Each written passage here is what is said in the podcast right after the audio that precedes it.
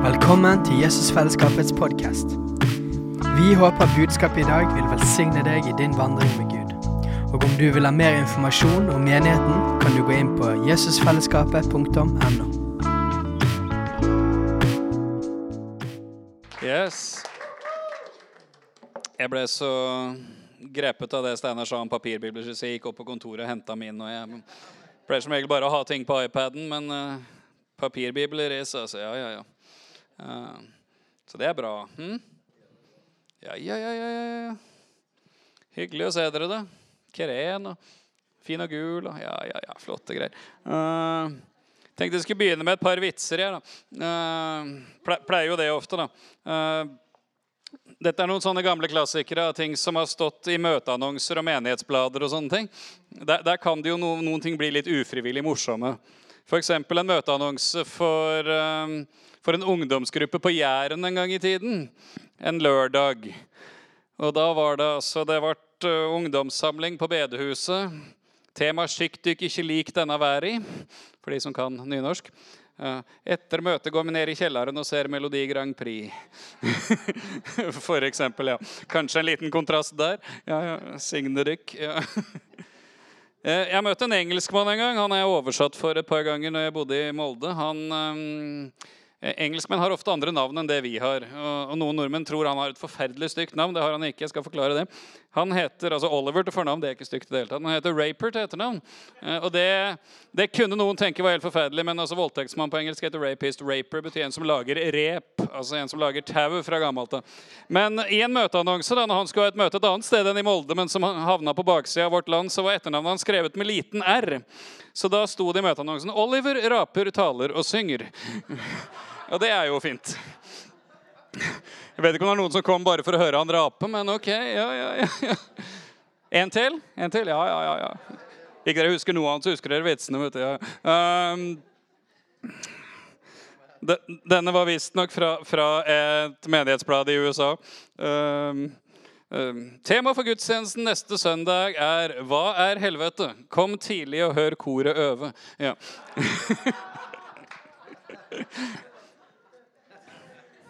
Første gang jeg hørte den, så tenkte jeg jeg tror jeg har hørt et par av de korene, men ok. ja. Sånn i yngre dager i mer etablert kristelig sammenheng, så kanskje jeg har hørt et par av de korene, men ja. Ja, ja, ja, ja, ja, ja. All right. Uh, det var vitsene. Nå har jeg da et tilbud. Uh, vi må komme med litt tilbud også. Um, hvor mange av dere vet at vi har misjonærer i Polen? Har noen av dere fått med dere det? Vi har misjonærer i Polen, ja visst. det har vi, ja. Ronald og Kasha Gabrielsen er der. Han kommer for øvrig på besøk når vi har den konferansen med Ben Fitzgerald. Da kommer misjonærene våre. kommer Eimund og Cassie, og Ronald kommer, og Laila Nils Peter kommer. og Ja, ja, det blir bare velstand. Uh, nå har det seg sånn at vi har jo hatt en såkalt misjonsbase i Polen opptil flere ganger. Det betyr at det er flere enn bare Ronald Akasha som er der. Noen ganger oppe i fire-fem stykker til og med. Eh, og det er nå en stund siden vi hadde. Eh, men i begynnelsen av februar så har vår gode venn Svein Svendsen fra Alta tenkt å reise nedover til Polen og være der fram mot sommeren. Altså en fire måneders tid. Eh, så i den forbindelse er da tilbudet Det er mulig å reise til Polen en eller annen gang mellom februar og sommeren og være der en stund hvis du har lyst til det å være med på misjonsarbeidet der nede. Hvis du er en vi kjenner og har tillit til og har lyst til det, så kom og snakk med oss. Det gjelder jo da alle dere her inne, regner jeg med. Men kom og snakk med oss i hvert fall. Men det er mulig altså, ta turen til Polen. For da skjer det litt mer der. Det skjer mye bra der til vanlig òg, men da, hvis det blir enda flere, så kan det bli spennende ting. Så mulighet for å reise til Polen. Fint i Polen. og Da, da blir det jo vår etter hvert. Den kommer mye tidligere enn her. og sånn. Jeg, jeg, har vært der i mars hvor det var 25 grader, og sånn, så jeg skal, skal, ikke nevne sånt. Men ja, ja. All right. Jeg syns det har vært en spennende uke med oppstart av disippelgrupper og greier og greier. Er ikke det litt kult, da? Jo. Hvis ikke du syns det er kult, så kommer du til å venne deg til at det blir det. i hvert fall. Det, det er bare sånn det er. Uh, og så har vi litt ut ifra det bestemt at de neste ukene så skal vi ha fokus på bønn. Det nevnte Steinar så vidt sist gang. Uh, målet vårt for disse disippelgruppene det, det, finner du i slutten av apostlenes gjerninger. Vers 37-47.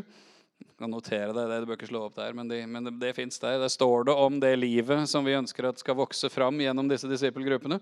Uh, og det er bra, og derfor så har vi begynt å lage da, en struktur av grupper og ledertrening og sånne ting. Så har vi jo et ønske da om at disse disippelgruppene skal være for flere mennesker enn bare akkurat de som hører til menigheten nå. Altså at Vi ønsker jo at vi skal bli disipler, men vi ønsker gjerne at flere mennesker skal bli gjort til disipler òg. Du har kanskje fått med deg det lå litt på Jesus sitt hjerte. Han sa gå ut i all verden og gjør alle folkeslag til disipler. Så det var vel litt på hans hjerte. ja. Mm. Det vi ser før det i apostlenes gjerninger, er at da blir evangeliet forkynt. Og det er jo en bra ting, er det ikke det? Ja. Og før det så er det det som vi kaller pinsedag. Da kommer Den hellige ånd. ikke sant? Og Det er også bra, ikke det? Så vi går liksom ting i motsatt rekkefølge. Uh, vi har et ønske om disippelgrupper, vi har et ønske om at mennesker skal bli gjort til disipler. at mennesker skal bli frelst, Evangeliet blir forkynt. Og for at det skal skje, så trenger vi pinsedag. Altså utgytelse av Den hellige ånd. Noen som er med på det? At vi, vi, vi trenger det? At det ja, ja, minst tre. Da er, vi enige om det. Det er flott. det er flott. Og for at vi skal komme dit, så må du gå til Apostelens gjerning kapittel 1. Og det, det, kan vi gjøre. Både de som har elektroniske og papirbibler kan gå til Apostelens gjerning kapittel 1. De som har ingen av delene, de Holdt jeg, på, jeg, holdt på å si de kan gå, men det mente jeg jo ikke. da. Så Derfor så måtte jeg stoppe opp et øyeblikk. For det mente jeg overhodet ikke, men det passa jo så bra. ikke sant? Altså, men jeg mener ikke det. Bare vær her, vær så snill, vær her. Ja, ja, ja. Ikke gå, ikke gå, vær så snill. Um, all right. Um, her, Begynnelsen av apostlenes gjerninger 1 snakker om Jesus og disiplene. Et, og Jesus etter at han har stått opp igjen. Så hvis vi går inn i vers 4 da han var sammen med dem, bød han dem at de ikke skulle forlate Jerusalem, men vente på det som Faderen hadde lovt, det som dere, sa han, har hørt av meg. For Johannes døpte med vann, men dere skal bli døpt med Den hellige ånd ikke mange dager heretter. De som nå var kommet sammen, spurte ham og sa, Herre, er det på den tid du vil gjenreise riket for Israel? Han sa til dem, det er ikke deres sak å vite tider eller timer som Faderen har fastsatt av sin egen makt, men dere skal få kraft til Den hellige ånd kommer over dere, og det skal være mine vitner, både i Jerusalem og i hele Judea og Samaria og like til jordens ender. Mm -hmm. Dere skal bli døpt med Den hellige ånd og ild, og så skal dere være mine vitner. Uh, det kan jo være det er litt sånn Jeg har tenkt det noen ganger. At uh, vi er mer opptatt av å være vitner og syns det er vanskelig enn det vi er av å bli døpt med Den hellige ånd og ild. Og hvis vi hadde vært opptatt av å bli døpt med Den hellige ånd og ild, så hadde kanskje det å være vitner ikke vært så vanskelig. altså first things first, liksom. Ja f.eks. Men før det så skulle de altså bli i Jerusalem, og de skulle vente på det som Faderen hadde lovt. Og venting i bibelsk sammenheng, det, det er ikke en sånn Ja, ja, Gud, jeg er her, jeg. Jeg venter. Lurer på om det er noe på TV. Venter jeg? Skal vi se Ja, kanskje jeg skal lage en pizza? Ja. Altså, Venting i bibelsk betydning handler om bønn. Og Hvis du ser hva som står videre, hvis vi går til vers 12 De vendte da tilbake til Jerusalem fra det berg som blir kalt Oljeberget, og ligger nær ved Jerusalem en sabbatsreise derfra. Og Da de kom inn i byen, gikk de opp til den øvre sal hvor de pleide å holde til. Og Så kommer en liste over de som var der. Så går vi til vers 14. Alle de holdt sammen og var utholdende i bønnen sammen med noen kvinner og Maria, Jesu mor og hans brødre. Det er det som skjer før pinsedag. Uten apostlenes gjerninger 1 så hadde du aldri fått apostlenes gjerninger 2. Det, det er kanskje veldig logisk. sånn Kapittel 1 kommer før kapittel 2. Men uten det som gjøres i apostlenes gjerninger 1, så hadde aldri det kommet som kommer i apostlenes gjerninger 2. Kan vi være enige om det? Hvor mange har lyst på at Den hellige ånd skal bli utgitt sånn som på pinsedag? Hvor mange har lyst på mer ånd og kraft og liv? Ok, Hvor mange har lyst til å be? Fordi min erfaring både i mitt eget liv og i de fleste kristnes liv i vår del av verden, er at vi vil gjerne ha resultatet, men vi vil ikke ha prosessen for å komme dit. Det er så mye enklere bare å trykke på en knapp, og så kommer det. liksom. Eller reise et eller annet annet sted, for noen har gjort jobben først, og så kan vi bare bade i det de har fått forløst. eller et eller annet sånt. Men det er liksom noe med at skal det skje noe her, så må det gjøres noe her. Er jeg redd? Dessverre. Ja. Uh, Jeg har i en god del år på bibelskolen, nå Impact, tidligere Veien, undervist i vekkelseshistorie. Og da har jeg hvert år sagt én ting til elevene. og det er at Hvis du ikke husker noe av det jeg sier i dette faget utenom denne ene setningen her, så er det dette det du ikke skal glemme. Er det noen som husker hva jeg har sagt de ikke skal glemme? Av alle de elevene som er her, som har gått på skolen? Nei, sikkert ikke. Ja? Helt riktig. Jørgen er bra. Ingen vekkelse uten bønn. Det er det eneste jeg vil at de skal huske fra vekkelseshistorie. Ingen vekkelse uten bønn. Håper du er klar over det. Ingen vekkelse uten bønn. Altså hvis, du, hvis, du, leser vekkelseshistorien, enten det er norsk historie eller internasjonal historie, om det er tidlig eller sein, whatever Det blir ingen vekkelse uten bønn. Det er jo så enkelt. Og da er vi ved det med bønn, da, dere. Og, og der er det jo veldig mye greier, da. Skal vi være enige om det? Det er veldig mye greier når det gjelder det med bønn. Eh, veldig mange kristne, meg sjøl inkludert til tider, så er det sånn at med en gang noen nevner ordet bønn, så får folk dårlig samvittighet. For da tenker vi Ja, jeg burde jo bedt mer. Hadde vi bare bedt mer. Men eh, det gjør vi jo ikke. burde. Bønn er veldig ofte en sånn dårlig samvittighetsgreie. Eller er det bare jeg som har hatt det sånn? Nei, nei, det er ikke det. Nei. Vi skal være ærlige, så er det ofte litt sånn. Derfor så tenkte jeg vi ikke skulle begynne der. Jeg, For det Jeg har liksom så fryktelig liten tro på det der at uh, hvis vi gir folk tilstrekkelig dårlig samvittighet, så, så fører det til forandring. det fører vel bare til at folk føler seg enda verre, gjør ikke det? Ja. Og det pleier ikke å hjelpe. Derfor har jeg tenkt at vi skal begynne med Efeserbrevet kapittel 1. Ja. Det er egentlig Sverre Skilbreids område. Han pleier å undervise om det i syv lange og syv breie på bibelskolen. Um, til stor begeistring og glede, men jeg tenkte jeg skal få lov å ta litt der, jeg òg, selv om han gjør det. Um, Efeserne kapittel 1. Begynner i vers 3. Nå skal jeg lese noen vers. Håper det er greit. Ok. Lovet være Gud, vår Herre Jesu Kristi Far, Han som har velsignet oss med all åndelig velsignelse i himmelen i Kristus hadde jo egentlig holdt det der. For i ham har han utvalgt oss før verdens grunnvoll ble lagt. Forstå det, den som kan. Vi kan tro det, i hvert fall. For at vi skulle være hellige og ulastelige for hans åsyn. Halleluja. I kjærlighet har han forutbestemt oss til å få barnekår hos seg ved Jesus Kristus etter sin frie viljes råd, til pris, for, nåde, til pris for sin nådes herlighet som han gav oss i den elskede. I ham har vi forløsningen ved hans blod, syndenes forlatelse etter hans nådes rikdom. Denne nåde har han gitt oss i rikt mål med all visdom og forstand, da han kunngjør oss sin viljes hemmelighet etter sitt frie råd, som han forutfattet hos seg selv, om en husholdning i tidens fylde, og samle alt til ett i Kristus, både det som er i himmelen og det som er på jorden. I ham har vi også fått del i arven, etter at vi forut var bestemt til det, etter hans forsett, som setter alt i verk etter sin viljes råd, for at vi skal være til pris for Hans herlighet, vi som forut hadde håpet på Kristus. I ham har også dere, da dere fikk høre sannhetens ord, evangeliet om deres frelse, i ham har også dere, da dere kom til troen, fått til innseil Den hellige ånd, som var lovt, han som er pantet på vår arv inntil eiendomsfolkets forløsning til pris for Guds herlighet. Herlig. De versene der har jeg lest noen ganger, og så har jeg tenkt her er det egentlig mer enn nok å jobbe med til Jesus kommer igjen. Eh, det, det, er, det er altså så mye de greiene her. Jeg tror du kan suge på den karamellen der ganske lenge altså uten, at, uten at du går tom for, for gode saker.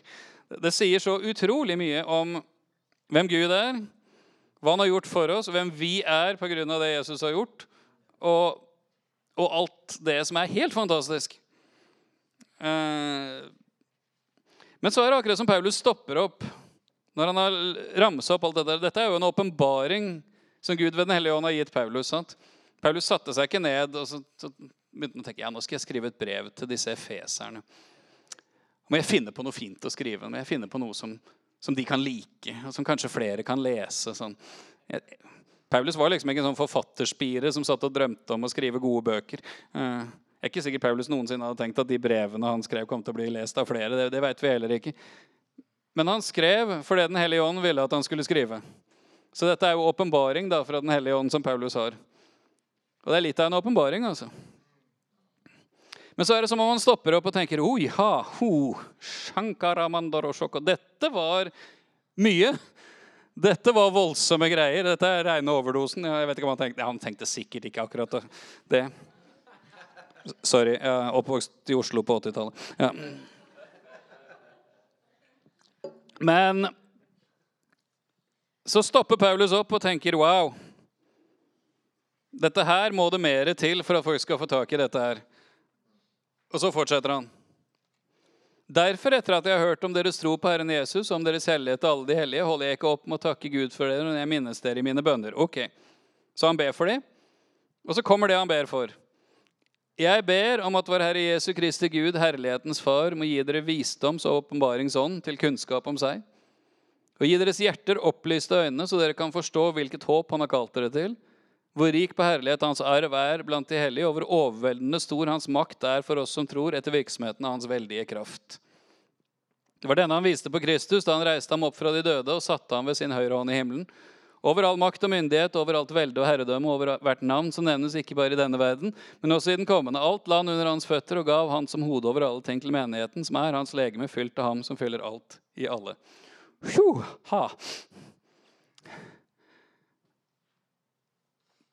Paulus kommer altså først med en vanvittig åpenbaring. Og så gjør han egentlig det kunststykket at så ber han egentlig om at disse menneskene skal få en åpenbaring av akkurat det samme. For du finner igjen veldig mange av de samme uttrykkene i den bønnen her som det du finner i det han deler med de før det. Akkurat som Paulus sier Det er ikke nok at dere leser dette her som Den hellige ånd har åpenbart for meg. Dere må få en åpenbaring av det sjøl. Skal dette her sitte? Skal dette her bli noe mer enn bare at ja, men Paulus sier at det er sånn? Så må dere sjøl få erfare dette her. Ja, og En liten parentes der i vers 17 er at det står faktisk ikke 'kunnskap om seg'. Det er fryktelig dårlig norsk. Det står 'kjennskap'. Men norske teologer vet du, de vil vi skal ha kunnskap. Og kunnskap er bra, men kjennskap er enda bedre. Uh, og jeg lærte for mange år siden, da hadde jeg en andaktsbok. Den har jeg ennå. Uh, av uh, en meget kontroversiell forkynner. Han heter Kenneth Hagen. Andagsbok som heter 'Trosføde'. Der skriver han at disse bønnene som du finner i Det nye testamentet, som f.eks. den Paulus ber her, de skal du legge ekstra merke til. Og han forklarer hvorfor òg. Han sier grunnen til det er at dette er bønner inspirert av Den hellige ånd. Og hvis du noensinne har lyst til å be bønner som du er sikker på at du kommer til å få svar på, så skal du be sånne bønner. Vi kan be tusenvis av bønner og håpe vi får svar, men de bønnene som er i Bibelen, som er inspirert av Den hellige ånd, de kan du være sikker på at Gud vil svare på. Og Det er jo litt spennende, da. Mike Bickel kaller det apostoliske bønner. Jeg liker det. Hvis du har lyst til å be skikkelig, kan du be apostoliske bønner. Apostolic Prayers, de CD-en der. altså Det er noen av som ja, får lengsler i blikket. Men, det, men det, er, det, er, en lang historie. Og hvorfor er det sånn? Jo, det Hvis vi skal gå til en annen ikke Søren, nå sitter jeg fast i en, en lapp her fra en tidligere tall, undervisning. Hvis vi skal gå til 1. Johannes brev, kapittel 5, så finner du forklaringen på hvorfor det er sånn. 1. Johannes 5. Er dere med fortsatt? Ja? Ja, fint. 1. Johannes 5 vers 14 og 15. Jeg hadde en gammel venn som het Alf Bergsvik. Han ble 2-93 år. Eh, han var en gammel mann som var skrøpelig på mange måter. Men han begynte å be. Da var det akkurat som himmelen åpna seg. Og de versene her var noen av favorittversene hans når han ba. Altså, vi hadde bønnemøter hjemme hos Alf og Elbjørg i gamle dager. og du, du, kunne sitte i en time og bare lytte henført når Alf ba. Det var akkurat som himmelen åpna seg, og vi var i en annen dimensjon. Og han ba og siterte disse versene her til stadighet. Og dette er den frimodige tillit vi har til ham, at dersom vi ber om noe etter hans vilje, så hører han oss. Og dersom vi vet at han hører oss, hva vi enn ber om, da vet vi at vi har fått våre bønneemner oppfylt hos ham. Ok. Så hvis vi ber om noe som er etter hans vilje, så vet vi at han hører oss. Hvis han hører oss, så har vi fått det oppfylt. Og Derfor kan du da være sikker på at Gud kommer til å svare på sånne bønner som denne her i Efeserbrevet 1. Fordi det er en bønn som vi kan være sikre på er etter hans vilje. Og så er jeg ganske sikker på at hvis vi ber en sånn bønn som det der, og faktisk får svar på dette her Se det for deg, da. At du eller jeg får av Gud visdomsåpenbaring sånn så vi lærer Han å kjenne. Og våre hjerter får opplyste øyne, så vi virkelig kan forstå hvilket håp Han har kalt oss til. Hvor rik på herlighet Hans arv er blant de hellige, og hvor overveldende stor Hans makt er for oss som tror etter virksomheten av Hans veldige kraft. Hvis dette her ikke bare blir noe vi sier, men noe vi faktisk erfarer, får opplyst av Den hellige ånd og forstår, tror du da resten av bønnelivet ditt ville blitt annerledes? Det tror jeg. Tror du kanskje kristenlivet ville blitt annerledes òg? Jeg tror ikke det blir så veldig mye ta seg sammen og dra seg på møte eller seg selv, dra seg sjøl etter håret for å få til et eller annet. Det er liksom noe som Kommer du inn i dette her, så er det så mange andre ting som kommer til å fungere. At alt annet blir egentlig bare småtteri i forhold. Og for å understreke at det er sånn, så hvis du går videre i Efeserbrevet Slapp av, vi skal ikke gå gjennom hele Efeserbrevet. Men kapittel 2 handler igjen videre om hva Gud har gjort for oss, og hvem vi er pga. det Jesus har gjort, og hva, hva, hva, Gud ønsker å gjøre videre med oss. Begynnelsen av kapittel 3 handler om evangeliets mysterium og kraften i evangeliet og en del sånne ting til. Og så er det som Paulus stopper opp igjen og sier nei, vent nå litt, nå har jeg gitt dem en overdose igjen. Nå, nå, nå, ble det litt mye her. Nå, ok, ja, Før vi går videre, så, så må jeg be en bønn til. Så da kommer vi til kapittel 3 og vers 14. Er dere med på en bønn til? All right. Derfor bøyer jeg da mine knær for Faderen, Han som er den rette far for alt som kalles barn i himmelen og på jorden. Jeg ber om at Han etter sin herlighets rikdom ved sin ånd må gi dere å styrkes med kraft i det indre mennesket at Kristus må bo ved troen i deres hjerter, for at dere rotfestet og grunnfestet i kjærlighet sammen med alle de hellige kan være i stand til å fatte hva bredde og lengde, høyde og dybde her er.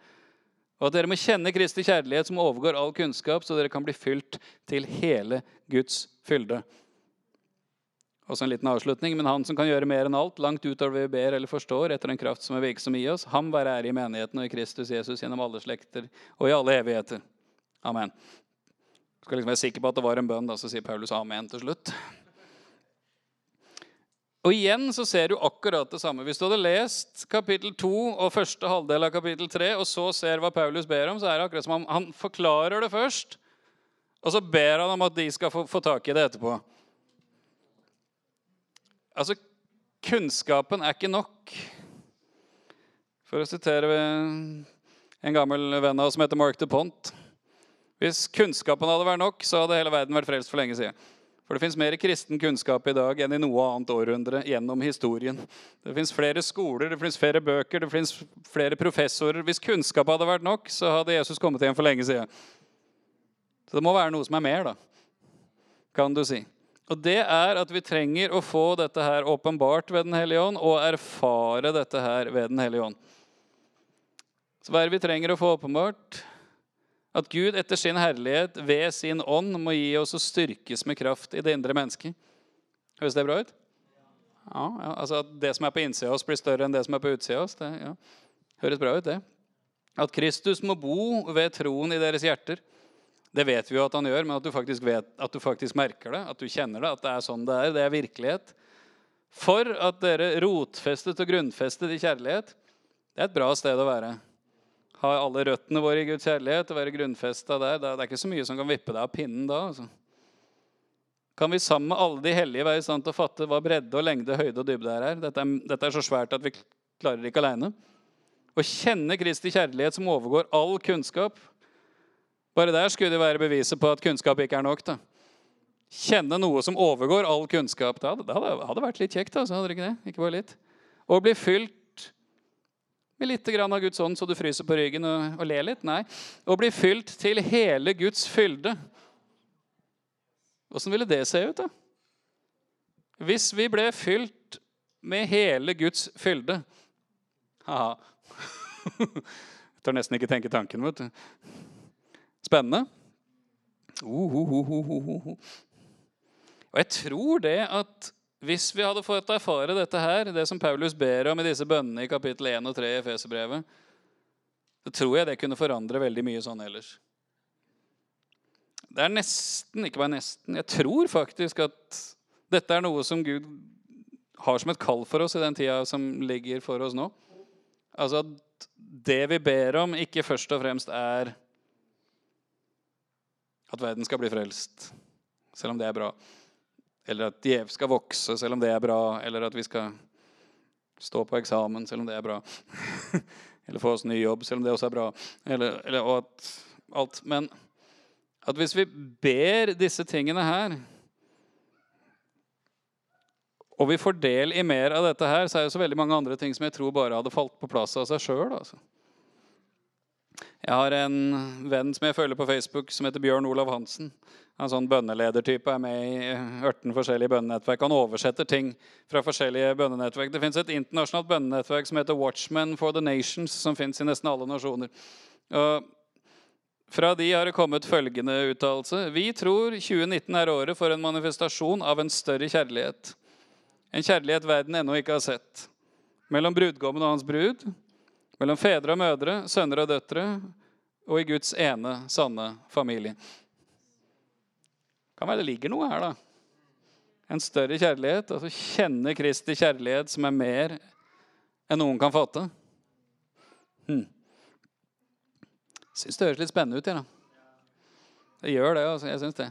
Uh, og så da tilbake til det med at med en gang vi snakker om bønn, så kommer vi til dårlig samvittighet. Å, hvis vi bare hadde bedt mer. Jeg har til og med hørt mange forkynnere som sier sånne ting. Hvis vi bare hadde bedt mer, så hadde det vært vekkelse for lengst. ikke sant? Takk skal du ha. Mm. Og så oppmuntrer jeg Blen og går hjem og tenker på hvor fæle vi er. ja. Men jeg tror en av grunnene til at vi får dårlig samvittighet, er at vi sammenligner oss hvis du leser om bønn, så kommer du veldig fort inn i å lese om alle mulige mennesker som var helt fantastiske til å be. Mange av dere har lest bøker om mennesker som var fantastiske til å be. De bøkene gjør to ting med meg. Det ene er at jeg blir veldig inspirert til å be. Og så ber jeg en stund, og så skjønner jeg at jeg er vel ikke han der. og så tenker jeg ja, ja, det var sikkert bra for han, eller et eller annet sånt. Mange har tenkt sånn? Jeg skal ikke rekke opp hånda på det. Men altså. altså, du leser om Smith Wigglesworth. ikke sant? Som kunne be sånn at gudsnærværet ble sånn at alle andre bare rømte rommet. ikke sant? Det var ingen som, andre som greide å være der fordi han, han hadde et sånt bønneliv med Gud at Gud kom sånn at de andre trodde de skulle dø. så de var bare nødt til å forlate rommet, ikke sant? Kan lese om Reece Howells som ba sånn at tyske bombefly over England så fem ganger så mange britiske fly som det var, og snudde og sånne ting. ikke sant? Shabba. 'Flammer over Wales', en bra bok om bønn, for å si det sånn. Uh, eller Mike Bickel og iHop og gjengen der. ikke sant? Og folk som er i bønn, og de er i bønn, og de er i bønn. og De er i bønn. De har ikke jobb heller, da, bare for lov å si det. det er det de gjør. Ja. Før du får dårlig samvittighet. Eh, og alt sånt er fantastisk, men 99 av 100 av sånne som du kan lese bøker om bønn om, vil du kjenne deg forferdelig inspirert, og så vil du kjenne at 'dette er ikke meg'. Er ikke det sant, da? Hvis vi skal være litt ærlige på det? Ja, det er ikke meg, i hvert fall. Det er sikkert deg, men det er ikke meg. i hvert fall. Jeg tror at hvis du skal be mer, så er den eneste du skal sammenligne deg med, er deg sjøl. Så hvis du begynner å be litt mer enn det du har gjort før, så ber du faktisk mer. Om ikke du ber like mye som det Smith Wigglesworth gjorde. da. Eller om ikke du ber like mye som du gjør i Ayap. Hvis du visste hvor mange mennesker som er i sving der for at de skal holde det gående 24-7, så hadde du senka skuldrene litt og tenkt ja, ja, ok, vi er ikke der. ikke prøve å gjøre det her med den gjengen vi er nå. Da hadde vi tatt livet av alle sammen i løpet av tre måneder. Og det er ikke noe vits i. Gud velsigne de. Veldig glad i de. altså. Livestreamen derfra er nydelig. og hele pakka, så er ikke det. Men jeg foreslår at vi heller sammenligner med oss sjøl. Da har jeg tenkt på et litt sånn matematisk eksperiment her. Eh, hvis vi hadde brukt de to bønnene i Efeserbrevet 1 fra vers 17 og i Efeserbrevet 3 fra vers 14 som utgangspunkt for bønn hvor mange av dere tror at hvis dere hadde brukt de bibelversene der, at dere hadde greid å bruke det som utgangspunkt for bønn og så be fem minutter hver dag? Hvor mange av dere tror dere kunne gjort det? To stykker. Mange tror, mange tror du kunne gjort det. Altså brukt de der Altså Bedt fem minutter hver dag. altså Du bruker nesten fem minutter bare på å lese gjennom de versene hvis du gjør det rolig. Så det, det hadde jo i grunnen da gått ganske bra. Hvis omtrent samtlige her inne hadde trodd det, så er vi en uh, ca. 50 voksne mennesker her.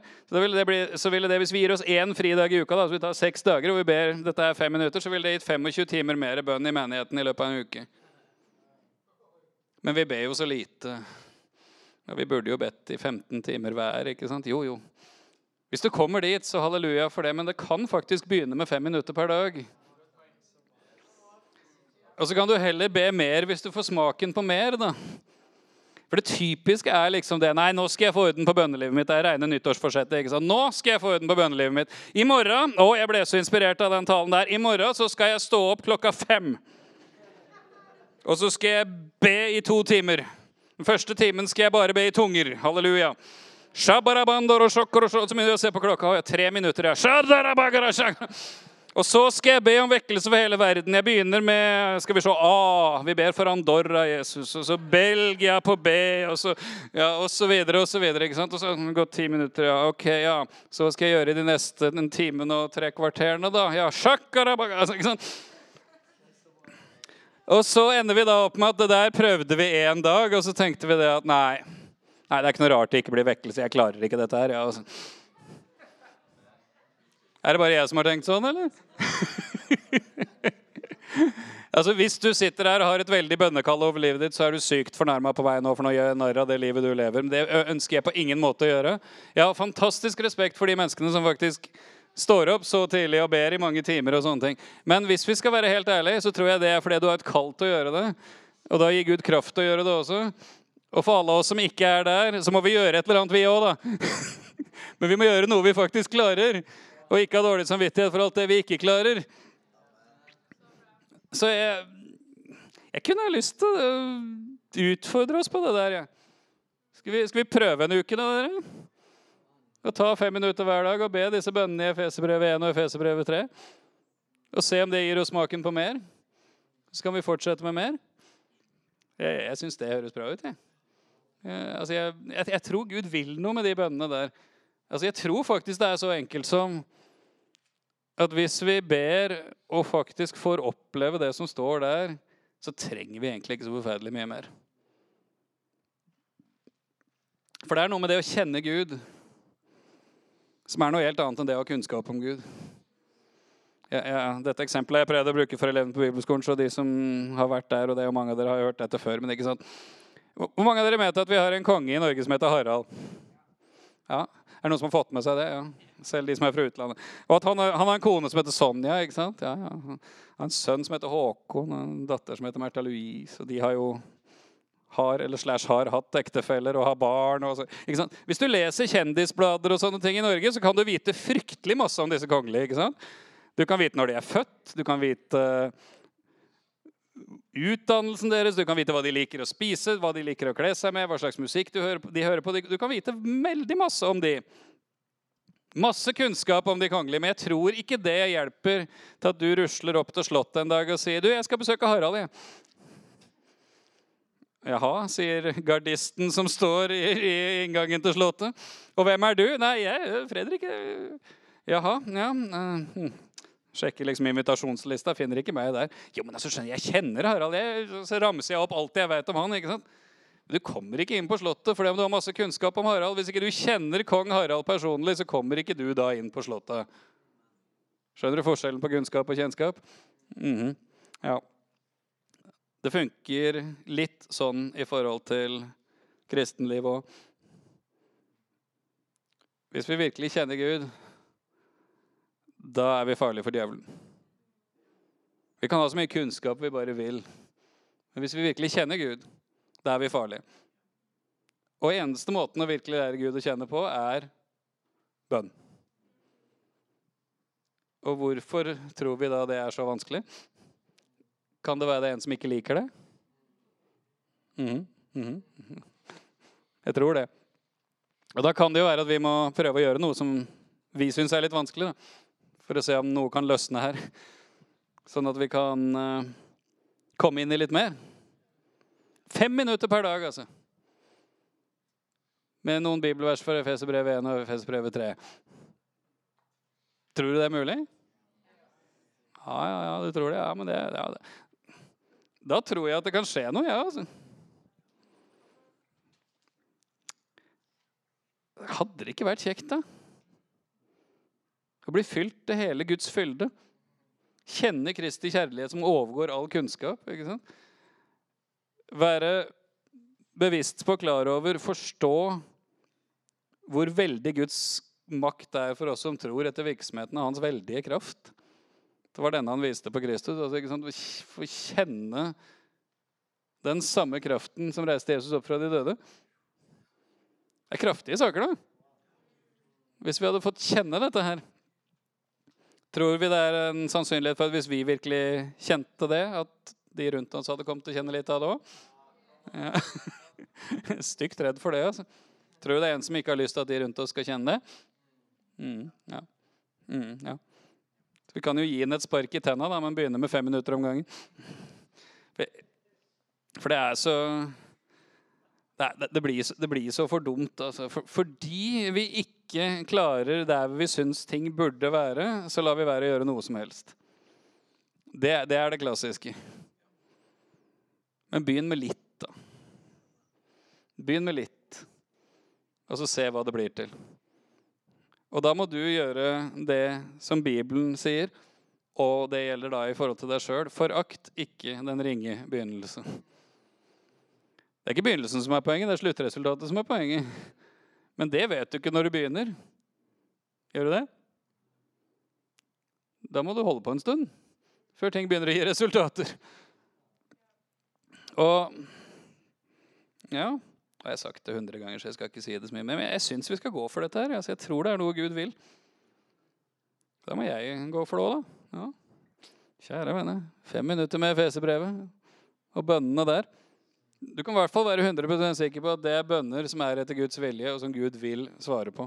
Og Hvordan det kommer til å se ut for den enkelte av oss, det får være opp til Gud. Men at han vil svare på det, det kan du være sikker på. Det er liksom ikke sånn hvis du setter deg ned og ber og sier, 'Kjære far, jeg ber om at du skal gi meg visdoms- og åpenbaringsånd, så jeg lærer deg å kjenne.' Så er det ikke sånn at Gud sitter på, på sin trone i himmelen og sier, 'Nei, tror ikke det'. Nei, beklager. Nei. Jeg svarer ikke på sånne bønner. Kan ikke du be noe mer skikkelig? Liksom? Kan ikke du be noe litt mer saftige greier? ikke sant? Altså, tror du det? Nei, jeg tror ikke det. Men vi har så mye lettere for å ha lyst til å be alle de der bønnene vi ikke er helt sikre på om Gud vil svare på. Men kanskje vi skal fokusere på noen bønner vi er sikre på at Gud vil svare på. da. Og når han svarer på de, skal vi begynne med andre bønner. Halleluja. Ok. Var i grunnen det jeg hadde på hjertet. altså.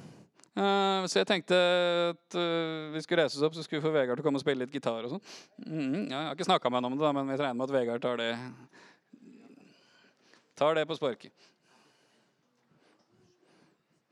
Mens Vegard spiller litt gitar, så, uh, så, så, så ikke legg ned Bibelen. Så skal, skal, du, skal du ta fram Bibelen. Og så skal du bruke enten den bønnen i Efeserbrevet 1 fra vers 17 eller den i Efeserbrevet 3 fra vers 14, og så skal du be det litt for deg sjøl. Vi tar noen minutter og gjør det. Vi tar fem minutter å gjøre det nå. Hm? Mens Vegard spiller litt, sånn at ikke du skal bli opptatt av hva scenebanen driver med. Så, så bruk en av de eller begge de, og så be litt inn i eller ut fra det nå. Vi tar noen minutter og gjør det. Så Helligånd, kom og led oss i bønn. Sett i gang.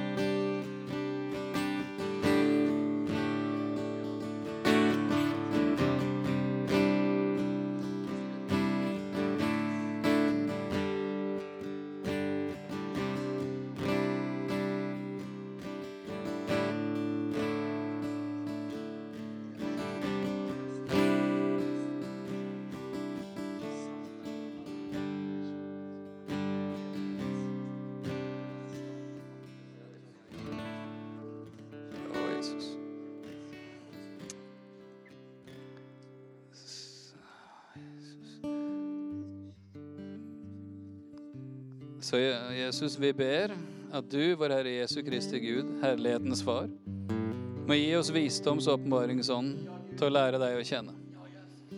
Og at du må gi våre hjerter opplyste øyne, så vi kan forstå hvilket håp du har kalt oss til, og hvor rik på herlighet din arv er blant oss, de hellige. Og hvor overveldende stor din makt er for oss som tror etter virksomheten av din veldige kraft, som du viste på Kristus da du reiste ham opp fra de døde. Og vi ber om at du, Gud, etter din herlighets rikdom, ved din ånd, må gi oss å styrkes med kraft i det indre mennesket. At Kristus må bo ved troen i våre hjerter. At vi, rotfestet og grunnfestet i kjærlighet sammen med alle de hellige, kan være i stand til å fatte hva bredde og lengde, høyde og dybde her er. Og at vi må kjenne Kristi kjærlighet som overgår all kunnskap, så vi kan bli fylt til hele Guds fylde. Men Han som kan gjøre mer enn alt, langt utover det vi ber eller forstår, etter den kraft som virksom i oss, ham være ære i menigheten og i Kristus Jesus gjennom alle slekter og i alle evigheter. Amen. Fem minutter per dag med det der. La oss se hva Gud gjør. Halleluja. Det tror jeg vi klarer. Yes.